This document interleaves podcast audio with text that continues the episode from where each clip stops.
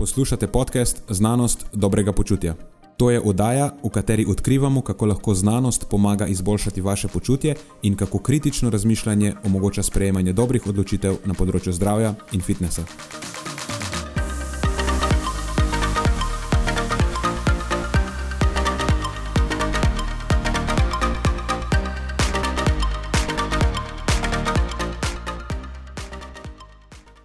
Preden začnemo, pa se moram zahvaliti še našim sponzorjem.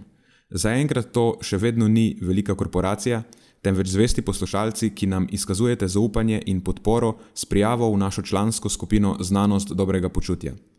Hvala vsem, ki s tem držite luči prižgane in omogočate podkastu, da raste in postaja še bolj kakovosten. Hvala tudi vsem, ki nas podpirate s pozitivnimi komentarji in visokimi ocenami, ter s tem, da priporočate podcast svojim znancem in prijateljem. Zdaj pa je končno čas za začetek epizode. Uživajte ob poslušanju.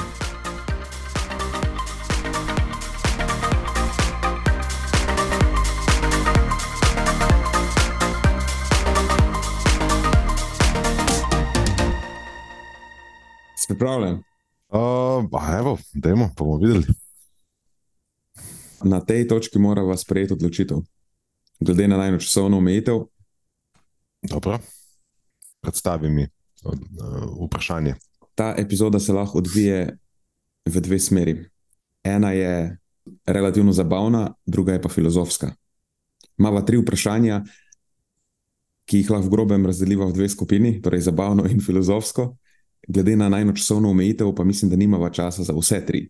Tako da se moramo odločiti, katero grobo skupino bova zbrala. Čemu se nagibaš? Da bi rad bil zabaven, da bi rad bil filozofski, da bi rad bil malo pola-pola, a veš, kaj pa, sledo, kaj pa sledoledu. Malo...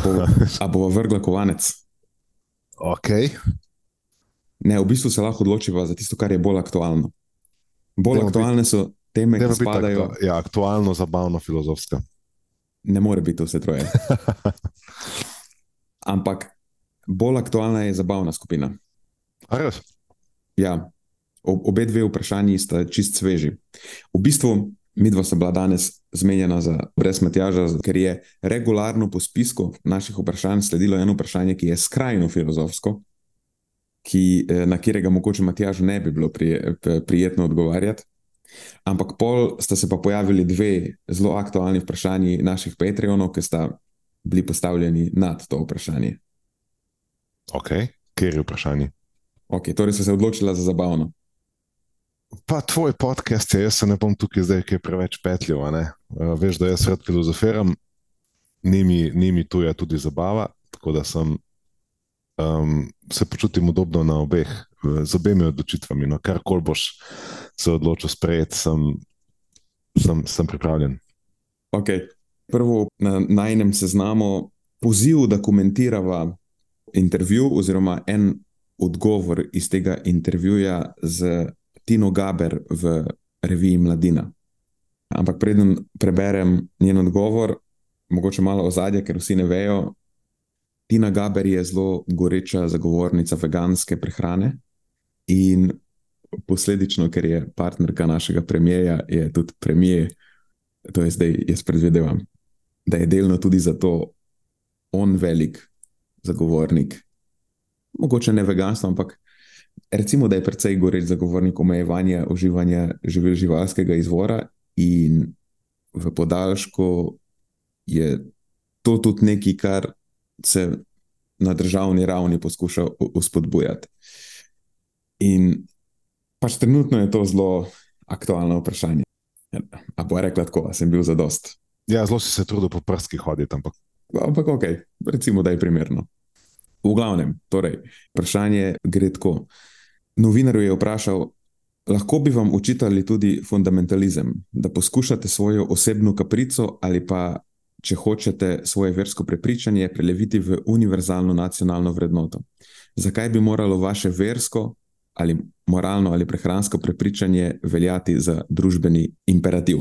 Njen odgovor je bil tak: To ni kaprica, to so izsledki znanosti. Trenutni prehranski sistem je eden glavnih dejavnikov tako podnebnih sprememb kot prezgodnje smrtnosti pri ljudeh. Prehod na zdrave prehranjevalne navade in trajnostno predelavo hrane bo odločilno vprašanje 21. stoletja. Pika. To je odgovor. Torej, zdaj pa naj en komentar, Marijo. A bi želel začeti s čim? Bi želel jaz začeti s čim? Vem, da si se temeljito posvetil temu intervjuju in da si pripravljen, kar nabita šibroka. Tako da bi nekako čutil potrebo uh, po tem, da uh, ti dovolim, da se sprazniš, preden te raznese.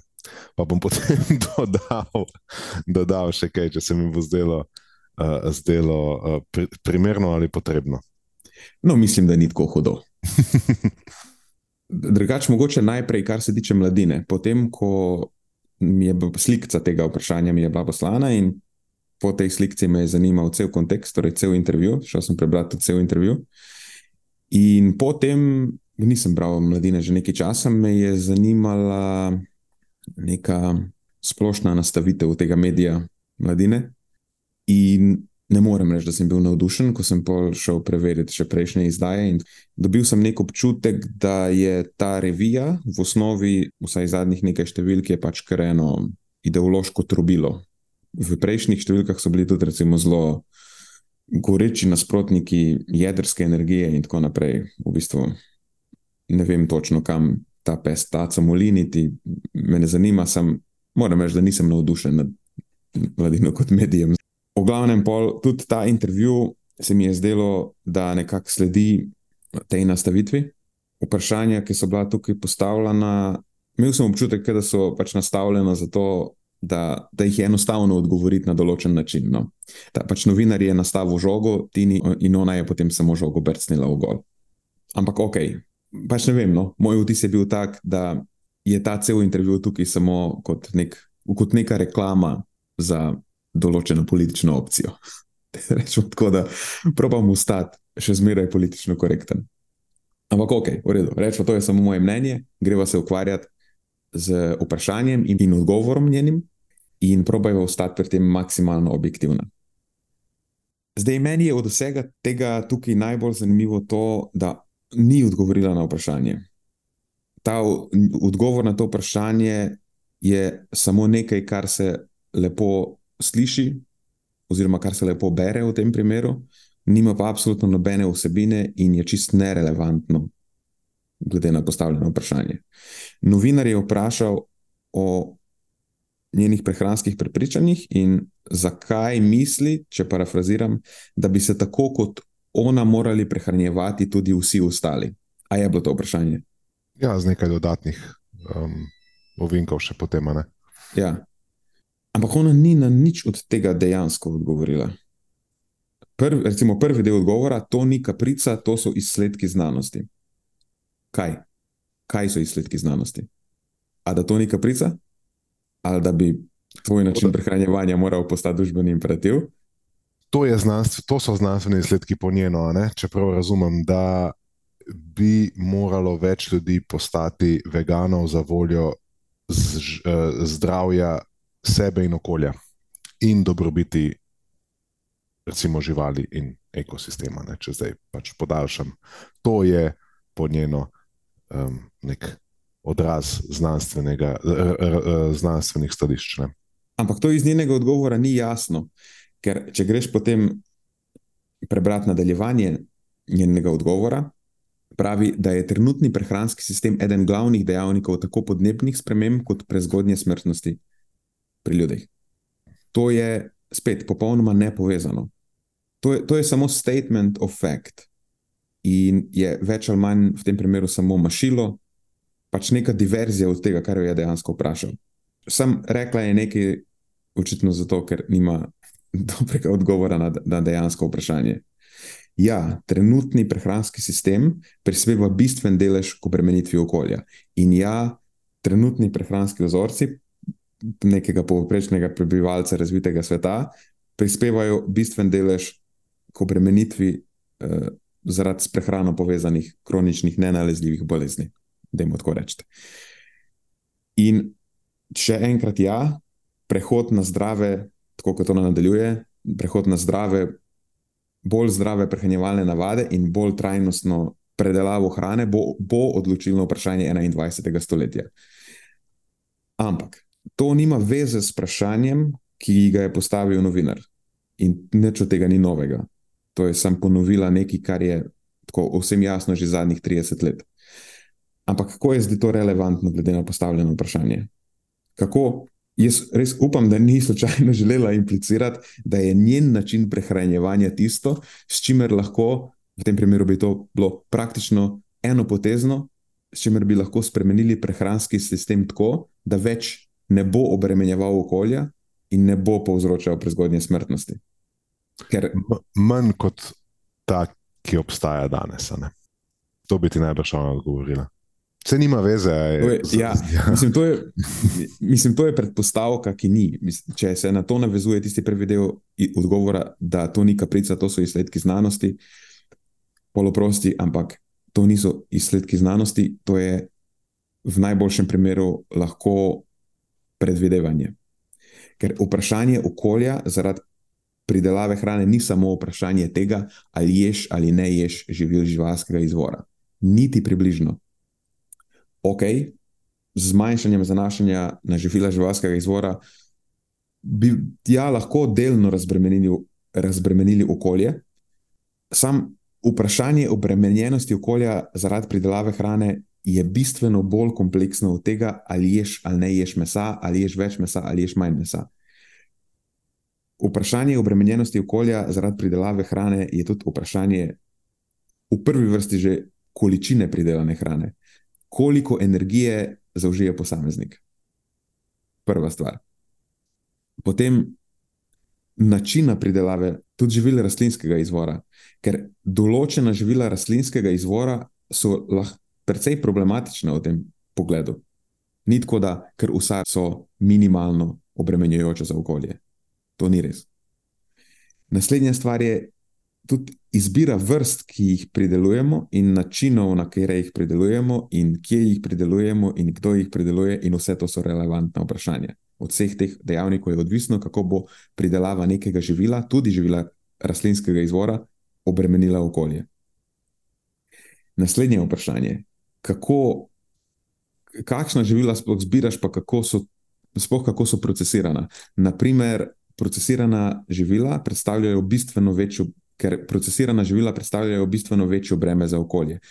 In veš, večkrat drži, da je visoko procesirano živilo rastlinskega izvora zaradi vseh teh porabljenih resursov, ki jih taka stopnja pridelave eh, zahteva, da je tako živilo bistveno bolj obremenjujoče kot energijsko enakovredna porcija nekega pač preprostega zrezka. In ne na zadnje, je to tudi vprašanje, koliko hrane zavržemo. Ker džabe si ti vegan, če mi še zmeraj 50% hrane zavržemo. In potem tako naprej. Najbrž bi lahko še najdel kakšno vprašanje, če bi se mi ljubilo, ki je bolj relevantno trenutno kot to, ali ti ješ ali ne ješ mesa. V svojem v bistvu gre, po moje, za eno osrednjih hinavščin, ki mene, čist, mene mogoče bolj moti, kot bi me morala motiti, ampak gre za zanemarjanje tistih, recimo, izbir, ki. Recimo, se jim nismo pripravljeni odreči, ali pa neko poveličevanje učinkov nekih drugih izbir, ki pa nas osebno bolijo manj. Ne?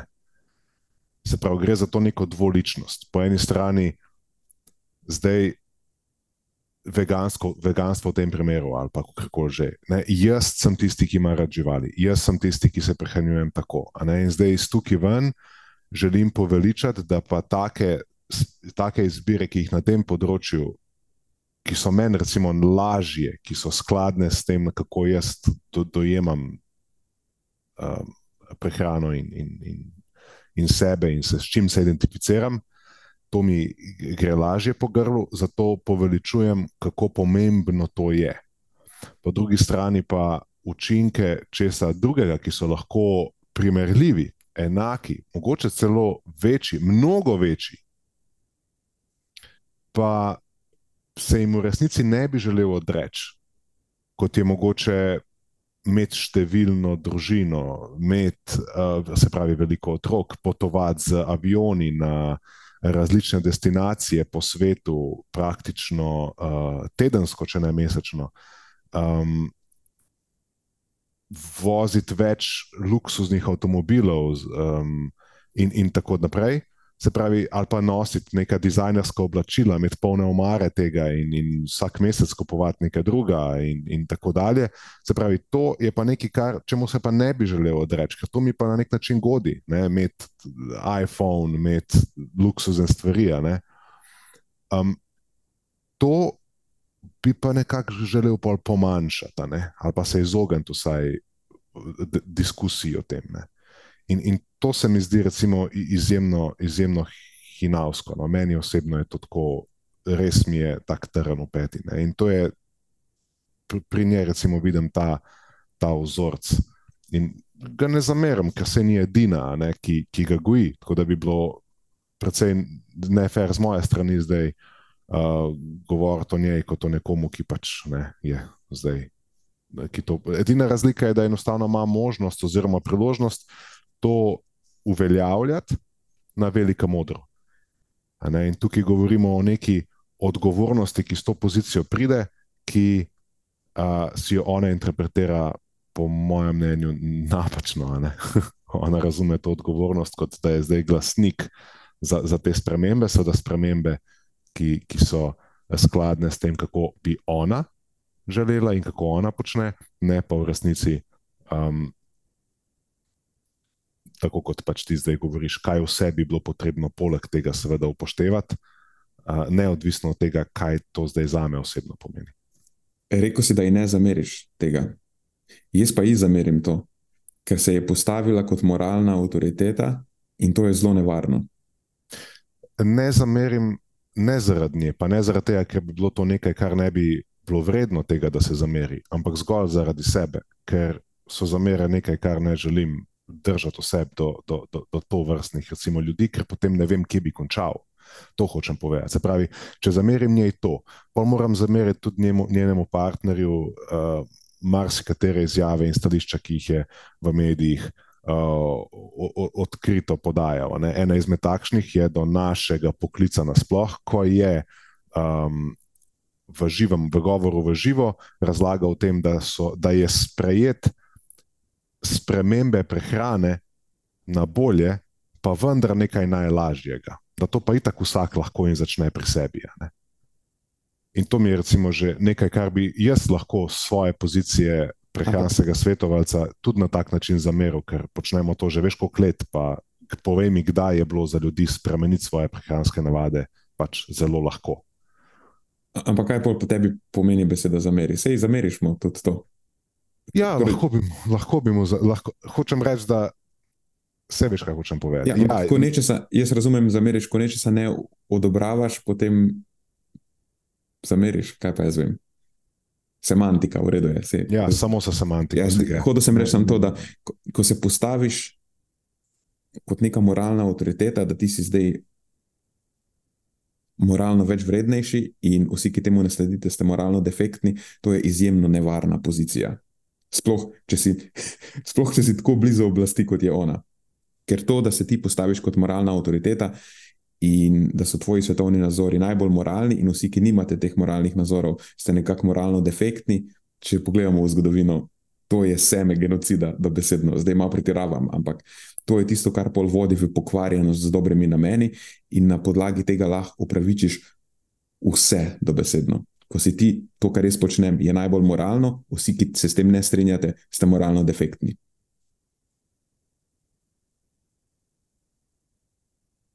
Ja, to je nekakšen način, kako ljudje počnemo stvari v resnici. Smo čustvena bitja, ki se za nekimi stvarmi identificiramo, da so, nas prevzamejo, nas stisnejo. In vidimo, da če neke stvari funkcionirajo za vas, smo pripravljeni, kot sem rekel prej, dobesedno iskati z vseh strani argumente, mnenja, um, da je reči tudi podatke, da ne rečem dokaze, ampak podatke, jih čeri pikati o čemer znaš ti bistveno več povedati, ker na to si znal tudi mene opozoriti leta nazaj, kako te stvari izgledajo v praksi, pa jih nisem znal prepoznati, mogoče na prvo žogo. In kako lahko v bistvu okoli sebe zgradiš en mehurček um, zmot, ki s časoma postanejo uh, tvoja perspektiva znanstveno do, znanstvenih dokazov ali pa svoje dojemanje znanstvenih dokazov. Ti si zdaj dobesedno prepričan, neomajen in nič ne morete premakniti, nič te ne more prepričati drugače. Ker če si dovoliš, recimo v njenem primeru, si mislim, da če bi si dovolila, da bi to, kar ti govoriš, na kar opozarjaš, na, na kontekst vplivov spremembe prehrane v širši sliki vplival na okolje. Um, pa potem tudi ta heterogenost, že samo znotraj spremembe prehrane, o čem govorimo, o zavrženi hrani, o, o, o, o kakšnih živilih živalskega izvora, o kakšnih načinih pridelave. Se pravi, toliko je enih stvari, bi, ki si zaslužijo biti omenjene v, v, v tej debati, da čim to dodaš noter, potem In če bi bila ona pripravljena to sprejeti v takšnem odgovoru, potem verjamem, da bi izgubila tla, na katerih stoji, ali pa bi se vsaj resno zamajala. Zgubila bi morda celo, ali pa bi bila ogrožena njena identiteta. Kaj, veš, kaj ti pa ostane? Ostane ti pač samo, da se še močneje oprimeš tega, kar dojemaš kot del sebe, še bolj poglabljaš te korenine. In zato vidim, da je to, kot sem rekel, ne zamerim, ker to razumem, mislim, da to, da, ja, da, da enostavno spremeniti tukaj, res ne, vem, res, res ne vem, kako se tega loti. V bistvu ni bil to moj glavni point, ker eno je, da imaš ti napačna mnenja. Tega ti, tega ti tudi lahko ne zamerim, nima veze, hmm. lahko imaš mnenje, kakršno hočeš imeti. Problem nastane. Svoje, svoje mnenja ali pa svoje svetovne nazore, ker to je on dejansko vprašal, zakaj ti misliš, ja, da bi to, kar ti misliš, da je res, se mogli vsi s tem strinjati in se vesti na ta način. V bistvu implicitno je v njenem odgovoru to, zato ker je moj način najboljši. To se mi zdi nevarna pozicija. Ti lahko imaš kakršno koli mnenje hočeš, ampak velik problem nastane, ko je tvoja pozicija, ko jo začneš pušati kot moralno superiornejšo. Ta del je zamerim, ne to, da ima ona neko mnenje. Ona ima lahko kakršno koli mnenje hoče. Ampak samo dejstvo, da je zdaj to postavljeno na neko najvišjo stopničko. Vse imaš prav, samo, res imaš prav. Samo to, kar hočem reči, je, da to, kar ona počne na nekem makronivoju, s takšno mero izpostavitve, ki jo je deležna zaradi svoje pozicije, ki tudi ne vem, zakaj je zdaj tako prenapihnjena, saj pač v resnici, kaj pa je njena funkcija. Um, po, mislim, sorry, sem. Um, to, to, to v bistvu predstavniki našega poklica počnejo na mikroravni. Točno to, kar sem rekel uh, prej za njo. Jaz verjamem, da to, kar jaz mislim in počnem, je najbolje. Na mikroravni to mnogi trenerji in prehranski svetovalci po svoji verigi navzdol v enaki meri promovirajo, ko delajo s svojimi strankami in varovanci. To, kar jaz počnem in mislim, to je zate najbolje. Ne? Se pravi, ljudje v osnovi počnemo to znotraj, oziroma v nekem okolju in po verigi navzdol, ki jo pač dosežemo. Znotraj družinskega okolja. Ne? Vsak, ki bo, bo našel nek način prehranevanja zase, bo, pa čeprav samo za mizo svojih štirih, petih družinskih članov, bil pripravljen po grlu potiskati svoje prepričanje njim, češ, to je pa za vas najbolje. In ne, zdaj razširi vpliv in dobiš to, da na nekem najvišjem nivoju pa pač vemo, kaj je najbolje za vse državljane, ali pa celo za vse svetovljane. Ja, samo na mikronivoju, sej v bistvu imaš prav, da je v osnovi zelo podobna stvar. Sam na nekem mikronivoju se lahko varovanc odloči, katerega trenerja si bo izbral. V tem primeru pa se mi zdi, da je to bistveno manj sprejemljivo, v celoti nesprejemljivo. Ja, tukaj gre za sistemske spremembe, lahko, ki se jim ne moš potem izogniti, enkrat, ko se sprejete. Ja.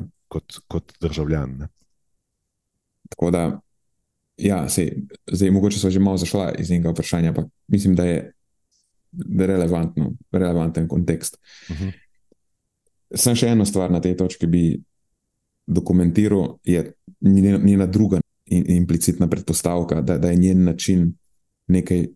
Se mi zdi, da to je tudi želela implicirati, da je njen način nekaj, s čimer bomo lahko omilili s prehrano povezano tveganje za prezgodnjo umrljivost pri ljudeh. Uh, če bi lahko z dieto neke vplivnice z Instagrama rešili to, potem bi bila ta zadeva že zdavnaj rešena. Mislim, ne vem, gledaj, oprosti sam. To, da namiguješ, da bo tvoj način prehrane izboljšal zdravje ljudi na državni ali pa celo globalni ravni, to je samo smešno. Sploh pa, če je to neka relativno skrajna dieta, ki omejuje, mislim, v njenem primeru, zelo prepoveduje živila, ki so za večino trenutno najbolj osnovna komponenta njihove prehrane.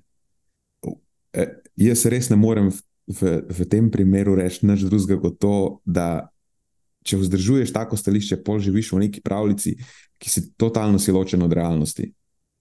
Mislim, na koncu se lahko vsi strinjamo s tem zaključkom tega odgovora.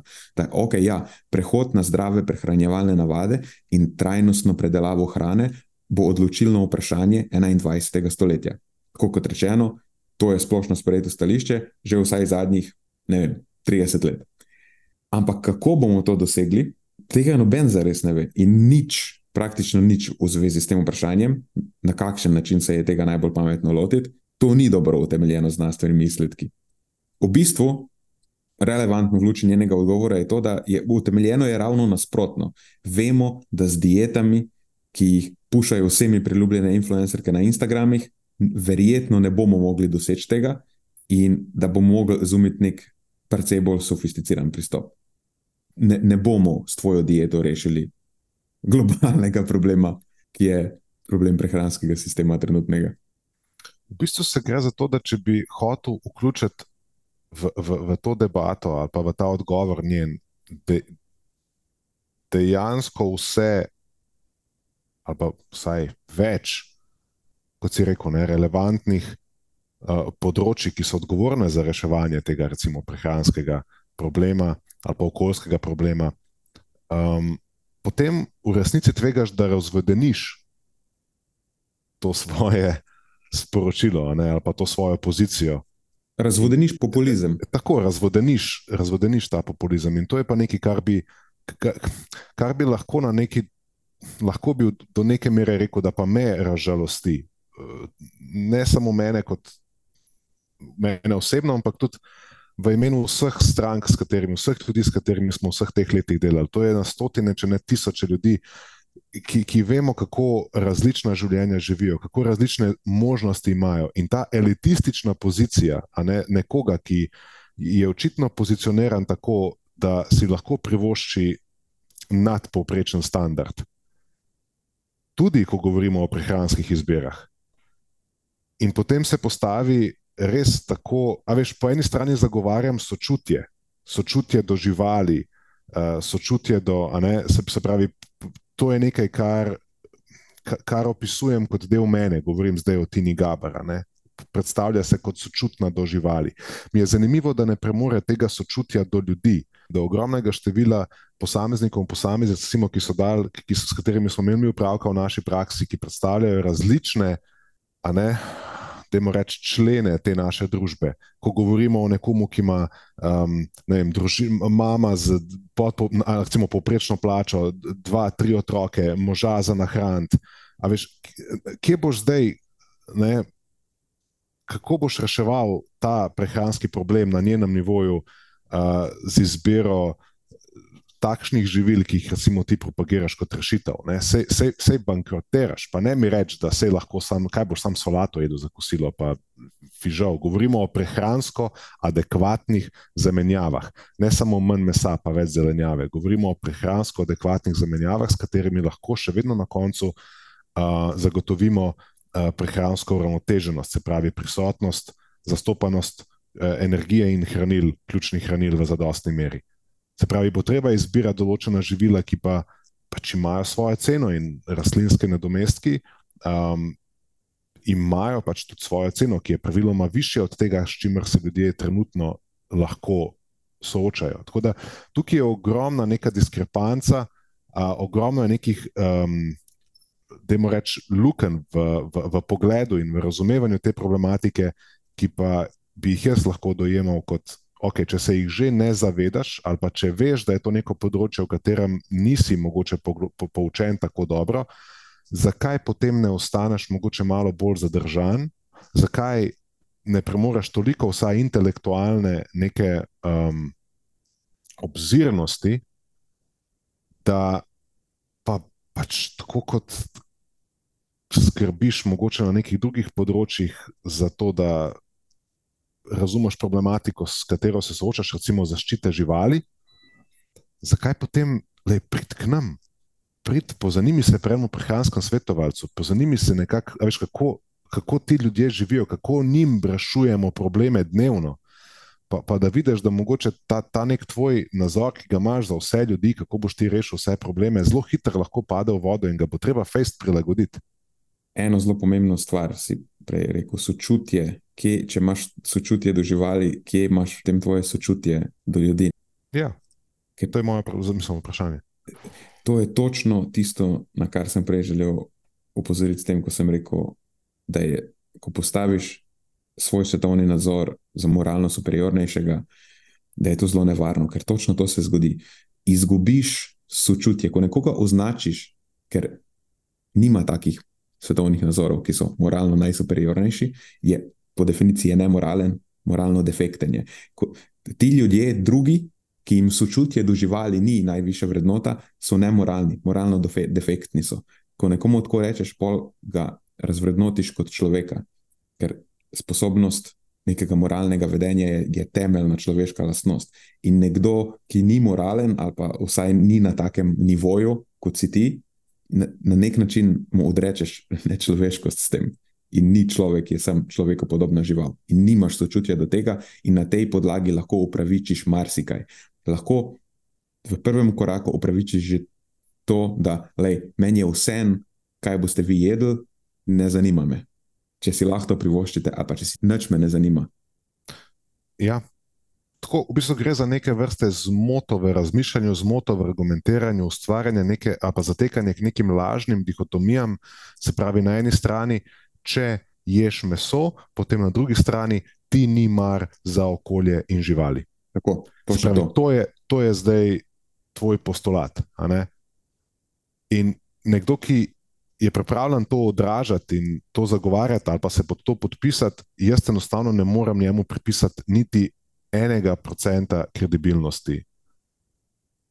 Kvečemu bi res lahko označil tako osebo kot škodljivo in sporno, um, zato da govori o tem sploh.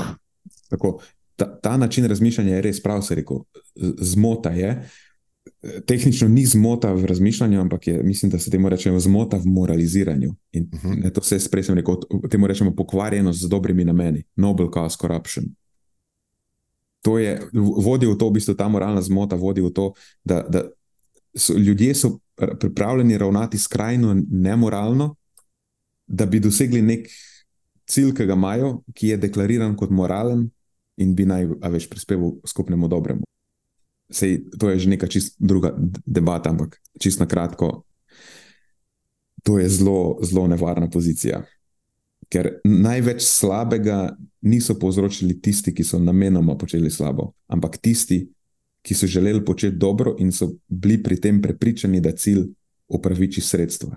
Ne? Na, na nek način, v bistvu, mnogi, pa tudi ona, verjame, da je v prepričanju o lastni moralni večvrednosti najboljše upravičilo za nemoralno ravnanje, ki je v tem primeru odrekanje sočutja do vseh ostalih, ki nimajo takih svetovnih nadzorov kot ti, ki mislijo, da je sočutje do živali najvišja neka vrednota.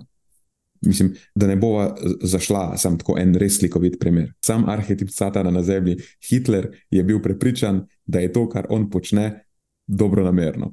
In nis bil sam on, v bistvu je celo ljudstvo Nemčije bilo prepričano o tem, ker mu je podelilo ta mandat da je to, kar oni zdaj počnejo, dobro namerno. Pa vemo, kam smo pol, pol prišli. Zdaj sem raztegnil to do absurda, sem hotel sem dati en slikovit primer. No, tukaj se gre za to pokvarjenost z dobrimi nameni. Pravi, vse to je spet, če potegneš na kjerkoli druga področja, vsi imamo mi samo dobre namene.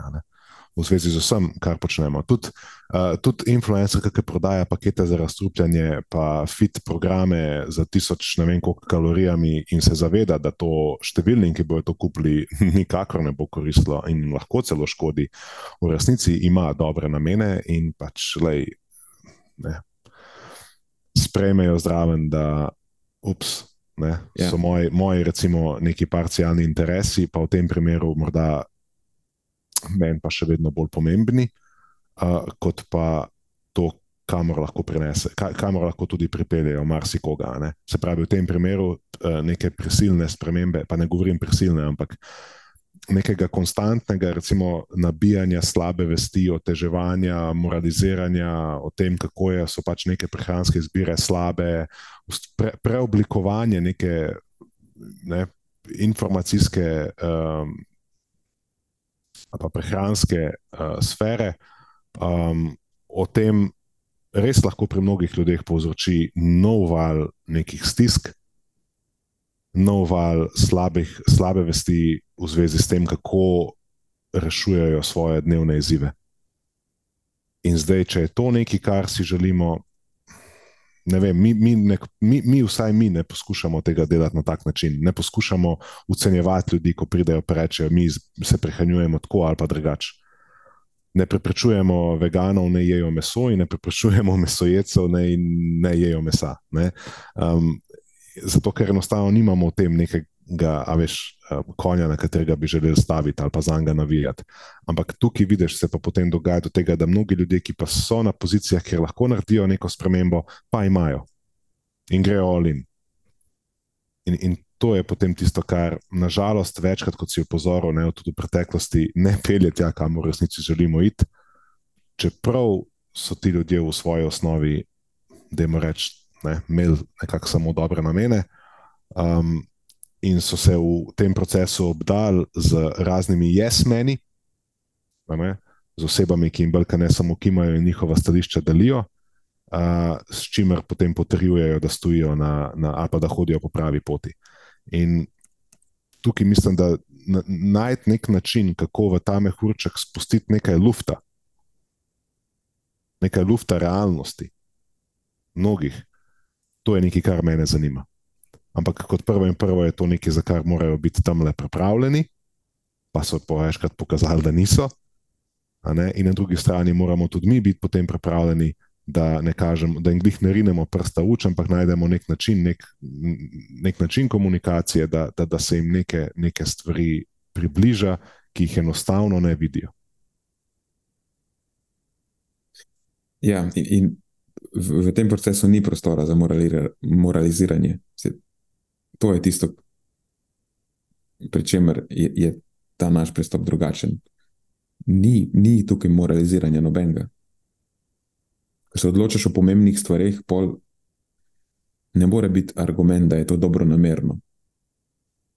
Ker to dobro namernost, ta, ta dobro namernost te lahko hitro spelje po napačni poti. Ra, rabiš neke boljše argumente boljše utemeljitve. Ampak je tako človeško in tako simpel in tako vsakdanje, kot sem prej povedal. Primer, jaz počnem to, ustavi karkoli, način prehrane, ne vem, način česar koli. Jaz počnem to, meni stvar funkcionira, da ti tudi in te bo tudi funkcionirala.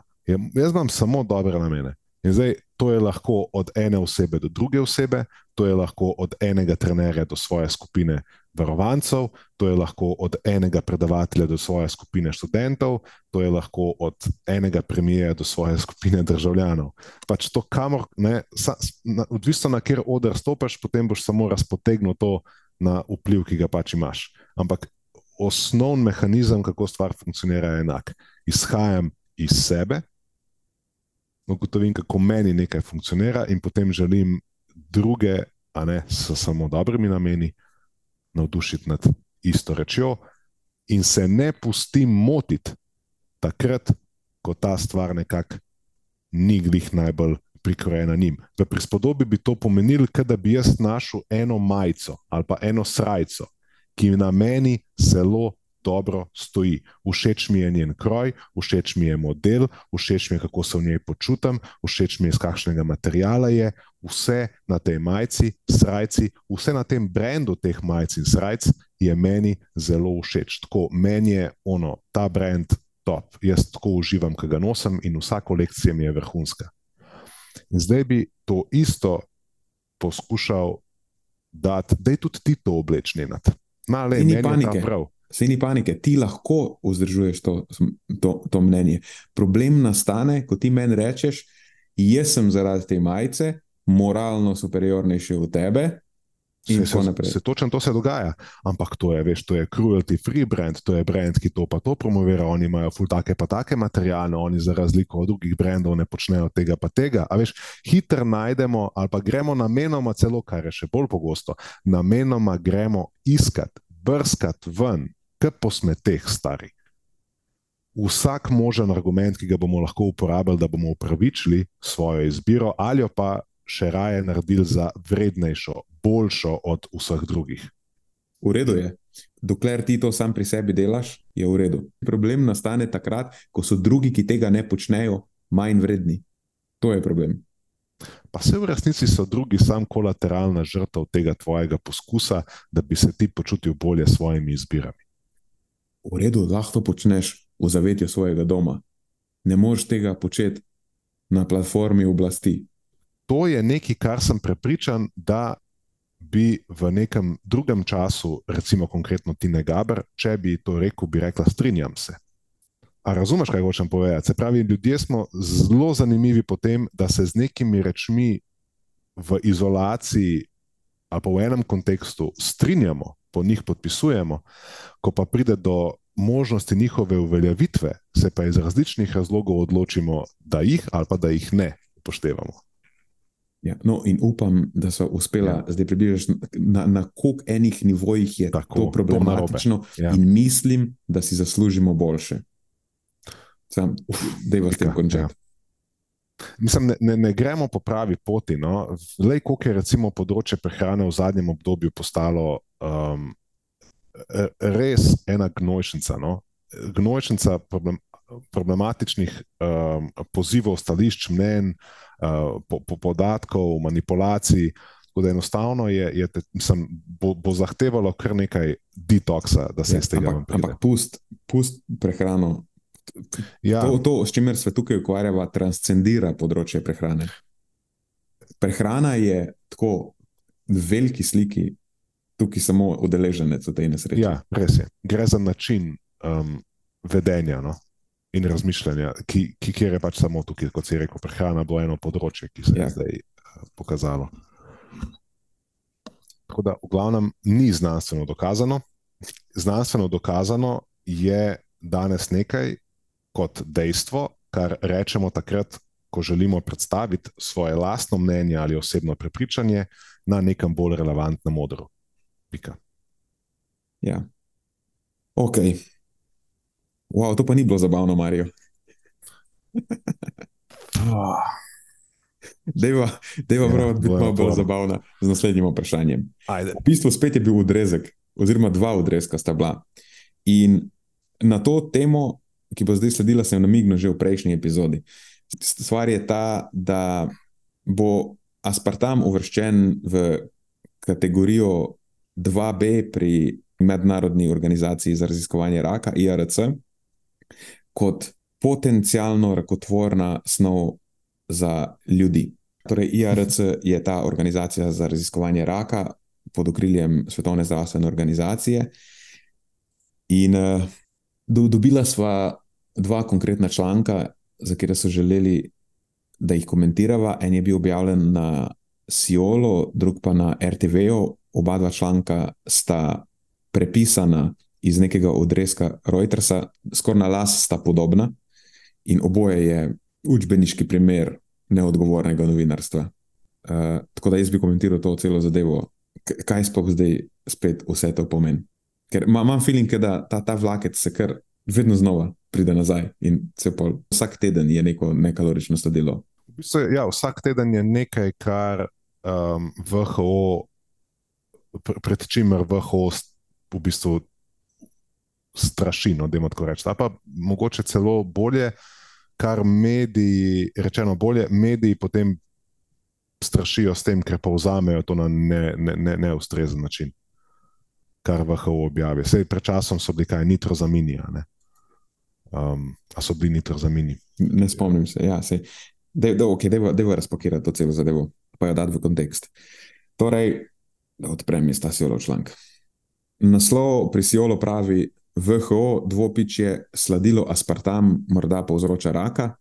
Naslov na RTV pa pravi: sladilo aspartam, ki se uporablja za dietno Coca-Colo, potencialno rakotvorno. Zdaj, oba dva članka sta spisana klasično, senzacionalistično, pa alarmistično. Senzo, uh, Sijolovsko. Ja, ne vem, se tudi RTV-ovsko, očitno. Ja. Ne bom šel brati celega članka, ampak na koncu povprečen bralec, po mojem, dobi vtis, da to je pa zdaj neka strašno problematična stvar in da je aspartam rakotvoren. A bi rekel, da, da se to zgodi? Ja, še posebej, ker ljudje te stvari tako zelo, a več ne iščejo nijans in kontekstov, iščejo samo zdaj, ok, dajte vi meni povedati, ali je to zdaj črno ali belo. In tukaj imajo potem mediji nekako, a veš, črno je. Ne, to sporočilo potem dajo in, in točno to se je zgodilo. Niso nobene sibine. Uh, ja.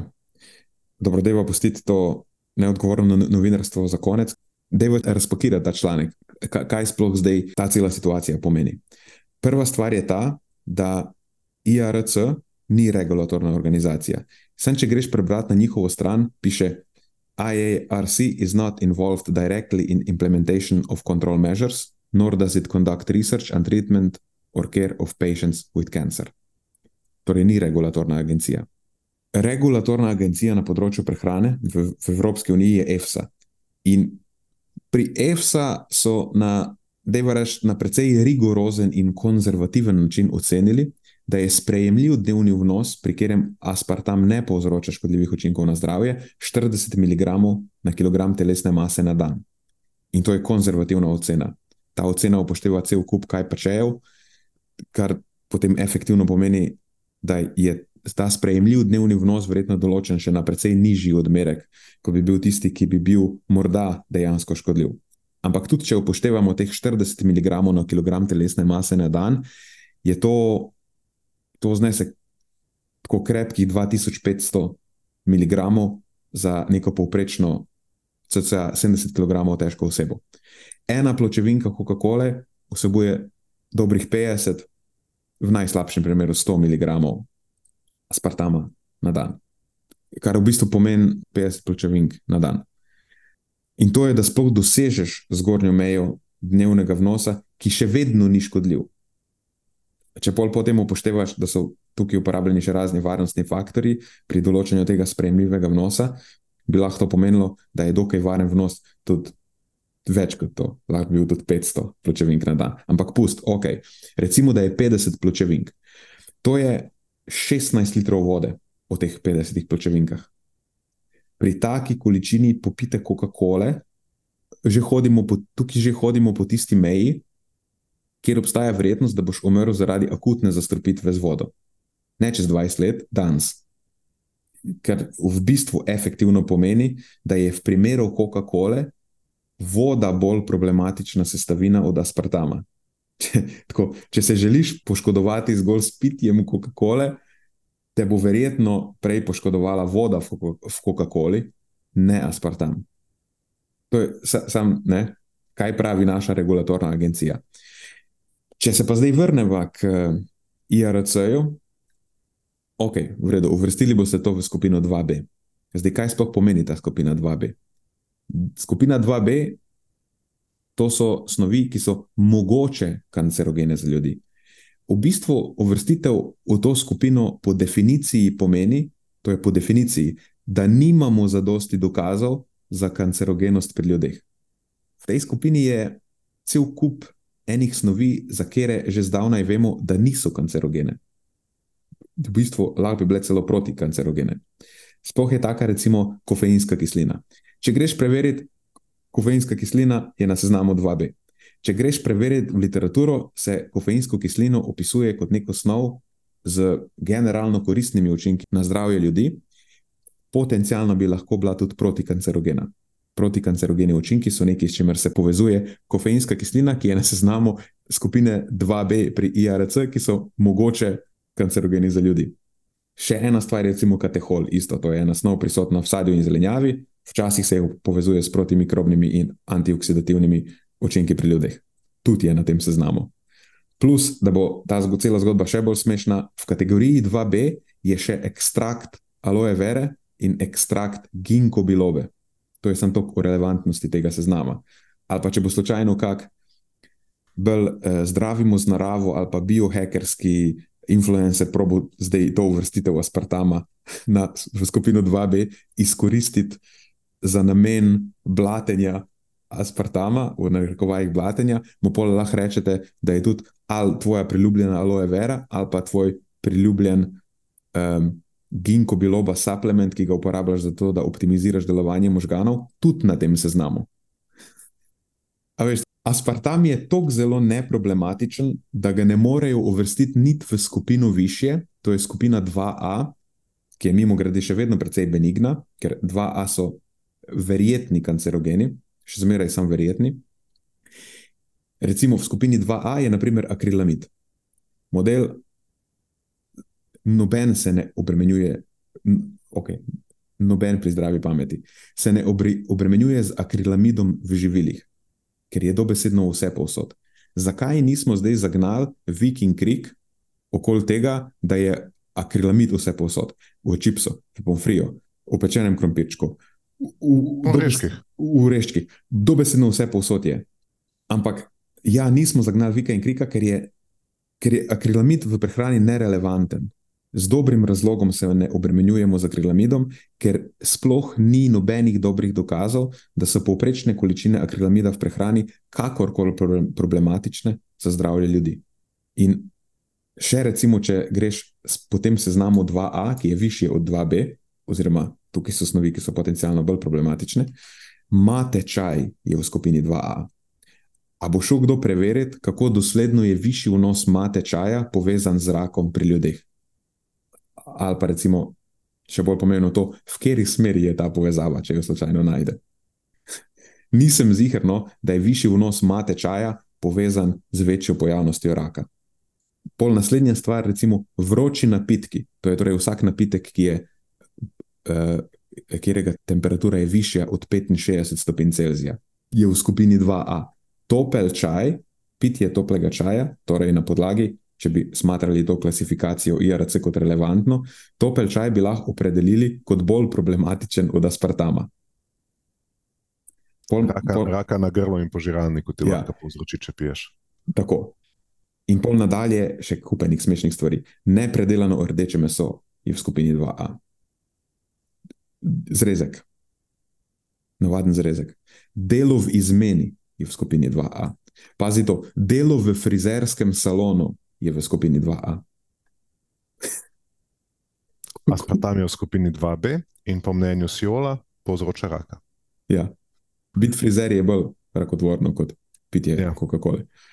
Mislim, jaz, jaz sem se vprašal, če mu je potem sploh, uh, to sem hotel tebe vprašati, v bistvu pa te nisem uspel uh, uh, ker niso imeli možnosti se o tem pogovarjati, pa evo, mogoče na podkastu. Če mi je pa sploh namen tega, da IARC um, podaja takšne klasifikacije, če sploh že znotraj Svetovne zdravstvene organizacije, to ni inštitucija, kot jaz vem, ki je pristojna za um, opredeljevanje prehranske varnosti. Mislim, da je to neka druga organizacija. Um, se pravi, k čemu je pol to namenjeno? Se v bistvu sploh ne, ne, ne, ne, kom, ne, ne komunicirajo o verjetnosti, ne, kot praviš, da verjetnosti tveganja, da bo šlo nekaj narobe, ampak samo kot neka kao, kao neka možnost, češ možno je, da ja. nas zadane komet. To, to je IRC, um, se ukvarja samo s klasifikacijo različnih snovi, glede na njihov rakotvorni potencial. IRC je nam, organizacija pretežno namenjena raziskovalcem ki raziskujejo rakotvornost. Nič slučajno ni namenjena temu, da na podlagi njihove klasifikacije podajamo javno zdravstvena priporočila. In tukaj, da so to mediji zagrabili kot nekaj, kar je relevantno, ko se odločamo o prehrani, je, angliži bi temu rekli, beyond unresponsible. Ne? To je tako več kot neodgovorno. Ker, če bi imeli dokaze, da je aspartan pokazano kancerogen za ljudi, kot nekaj, s čimer se je smiselno ukvarjati, ko se odločamo o javno-zdravstvenih priporočilih, potem bi ga uvrstili v skupino ena. Pa še takrat, če bi se to zgodilo, bi bilo potrebno določiti odmerek, pri katerem je kancerogen. Ker če je nekaj kancerogeno, če je nekaj nevarno, še ne pomeni, da potem avtomatsko, neodvisno od odmerka, predstavlja dejansko tveganje za ljudi. Pomeni, da ne, takoj avtomatsko potem povzroča raka. To je potem nadalje vprašanje nevarnosti in tveganja. Recimo, en tak slikovit primer bi bil: morski psi so nevarni, ampak morski psi ne predstavljajo tveganja, če jih opazuješ z obale. Verjetno ne predstavljajo tveganja niti, če greš plavat v vodo, tam nekje poleg, relativno oddaljen od njih verjetno niti ne predstavljajo zelo izrazitega tveganja, če greš plavati direktno z njimi, ker morski psi načeloma ne napadajo ljudi. Res je, da tu pa tam po nesreč pojejo kakega, ampak po nesreč. Lahko pa predstavljajo morski psi za te tveganje, če si nek surfer in te zamenjajo za tjulna. Ali pa recimo še večje tveganje bo, če se oblečeš v tjulna in jih greš namenoma izzivati. A vidiš, to je zdaj ta nek, nek, nek spekter tega, tega tveganja na podlagi opredeljene nevarnosti. Še en tak primer bi bil strela. Strela je nevarna, ampak ne predstavlja tveganja, če si med nevihto v varnem zavetju. Najbrž ne predstavlja signifikantnega tveganja, niti če si med nevihto nekje zunaj, ampak nisi na odprtem prostoru. Lahko pa predstavlja signifikantno tveganje, če ne vem, med nevihto čakaš pod nekim drevesom, ali pa če stojiš na, na njivi kot najviše telo daleč naokoli. Pol bo verjetno udarila vate in je to potencijalno tveganje. Ampak kljub temu, da je ne strela sama po sebi nevarna. Ni nujno, da bo vedno predstavljala tveganje za te. Tako da tudi, če bi se aspartam kadarkoli pokazal kot kancerogen pri ljudeh, še vedno je to vprašanje odmerka, v kakšni količini. In tukaj lahko narediva cel krok in se vrneva na priporočila EFSE o sprejemljivem dnevnem vnosu, kjer s precejšnjo gotovostjo lahko trdimo, da vsaj do 40 mg na kilogram telesne mase na dan ne predstavlja nobenega signifikantnega tveganja. In tukaj mediji bi mogli to nalogo opraviti boljše. Jaz ne vem, že Reuters v štartu, ta njihov odrezek je bil pač porazen. Ampak pusto, če si ti novinar nekje v Sloveniji, prebereš ta odrezek Reutersa. Verjetno bi bilo odgovorno reči, ok, v redu, to je nek odrezek, na podlagi tega bom šel zdaj jaz raziskovati naprej in se bom pozanimal pri vsaj enem, idealno večjih, relevantnih sogovornikih, kaj to dejansko pomeni. A mi lahko zdaj vi, jaz sem novinar, ne razumem, glih, kako te stvari najboljše delujejo, vi, ki boljše razumete to področje, a mi lahko pojasnite, prosim, kaj to dejansko pomeni. Kako zdaj lahko moj bralec si lahko to na uporaben način pojasni? To bi bilo odgovorno novinarstvo. Ne? Sam tukaj je zdaj ta problem, ki to odgovorno novinarstvo je kaj nek samorok. To je več kot nekaj, kar najdeš. Ne, ja, najdeš, zdaj... najdeš, ter presno detuco. Vse obstaja, ja, vse najdeš. Ni. Veš, no, no, nočemo biti krivični, ampak res pa je, da na tem področju komunikacije, zdaj mogoče sem jaz tukaj pristranski od tega ne, našega področja dela, ampak zdi se mi, da tukaj pa res je pa to tako spolsko, da skoraj da noben več ne stoji po koncu. Vsak, ki prije sem, mu zdrsne. Eh, pa govorimo o novinarjih, ki mogoče pokažejo neko odgovornost, ko, ko poročajo o nekih drugih področjih, potem pa dobijo, da morajo poročati o neki temi vezani na prehrano. In evo, ti, lahko se vrnemo celo nazaj do Tine Gabr pridem ne, do te teme, sem že vnaprej opredeljen, že vnaprej imam neko osebno stališče, ali sem nekako čustveno involviran. In evo, ti zdaj bom jaz naredil case, kako je ne, um, nekaj samo takšno. Ali pa celo, zakaj bi zdaj jaz mogel hoditi okoli pa spraševati, tudi to zahteva delo, rabim članek jutra, po, po, po glavi mi serijo skačejo, da rabijo to pa to enih vsebin. Uh, če hočem producirati vedno več in več vsebin, potem ne morem se posvečati toliko eni posamezni sestavi, uh, uh, vsebini, ker jih pač moram več, torej bom imel manj časa za eno. Um, torej mi je lažje samo upisati noter, prebrati en članek, ga mal prevesti in začiniti dodatno z nekimi takimi čim bolj um, izstopajočimi, senzacionalnimi naslovi in trditvami, in s tem si lahko garantiram, da bom v čim krajšem času sproduciral vsebino, ki bo pritegnila čim več ljudi, uh, bo čim bo šla viralno, uh, bo pri ljudeh sprožila nek čustveni odziv, uh, in evo, moje delo je upravljeno. In, in to je v bistvu postala neka redukcija novinarskega dela danes. Ja. Tako kot se reče, obstajajo dobri in slabi novinarji, ni, ni primerno zvračati krivdo na, na novinarje same. No, kolesje je tako. Jaz sem, ja, jaz sem bolj imel v mislih medije kot celoto. Uh mhm. -huh. Ker mediji so temu, da rečemo, danes so postali post-novinarstvo. To se je zgodilo, ko so mediji izgubili monopol nad novicami, ko je internet demokratiziral informiranost. Zdaj mediji kot taki poskušajo rešiti svoj poslovni model s tem, da pivotirajo iz novinarstva, rečemo odgovornega novinarstva proti nečemu, kar je postnovinarstvo, senzacionalizem, populizem, alarmizem, kaj vse lahko zapakiramo pod to. Ne? Danes ta vloga novih medijev ni več, to, to moramo razumeti, ni več informiranje publike, ampak je ali je potrejevanje prepričanj njihove publike, recimo v primeru mladine, ali neko širjenje popularnih narativov, ali pa je alarmizem, negativizem. Citat Dana Whitea, če ga parafraziram, da mediji se danes več ne ukvarjajo s poslom raziskovanja in obveščanja, ampak se ukvarjajo s poslom lovljenja klikov in pozornosti. In ker so pol ugotovili, da največ klikov in pozornosti prineseta populizem in senzacionalizem, sta populizem in senzacionalizem njihova glavna produkta. In tako, kot je rekel, novinari so sam ujeti v to kolesje. In ti, si, ti, ti imaš lahko želje biti odgovoren novinar, ampak enostavno, ko znotraj te pošasti novega medija, enostavno ne moreš biti. Lahko si samo freelancer, potem recimo, da si SP-ovc, ki je tako. ne najet za to, da poroča o neki konkretni zgodbi ali pa področju.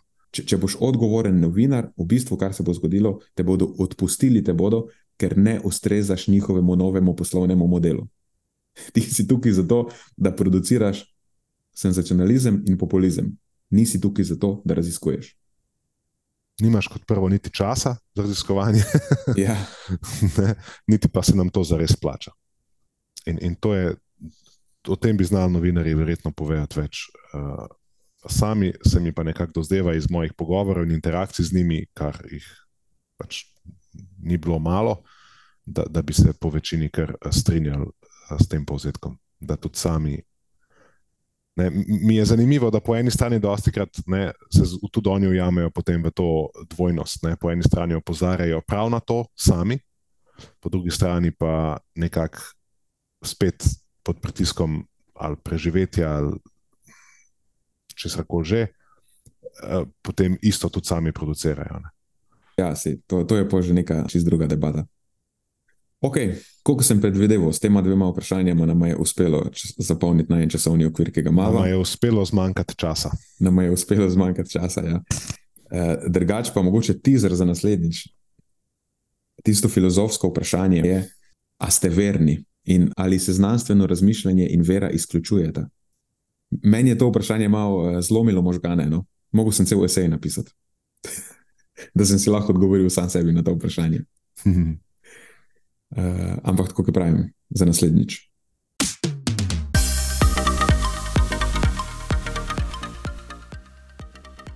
To je za tokrat vse iz naše strani. Hvala, ker ste poslušali do konca.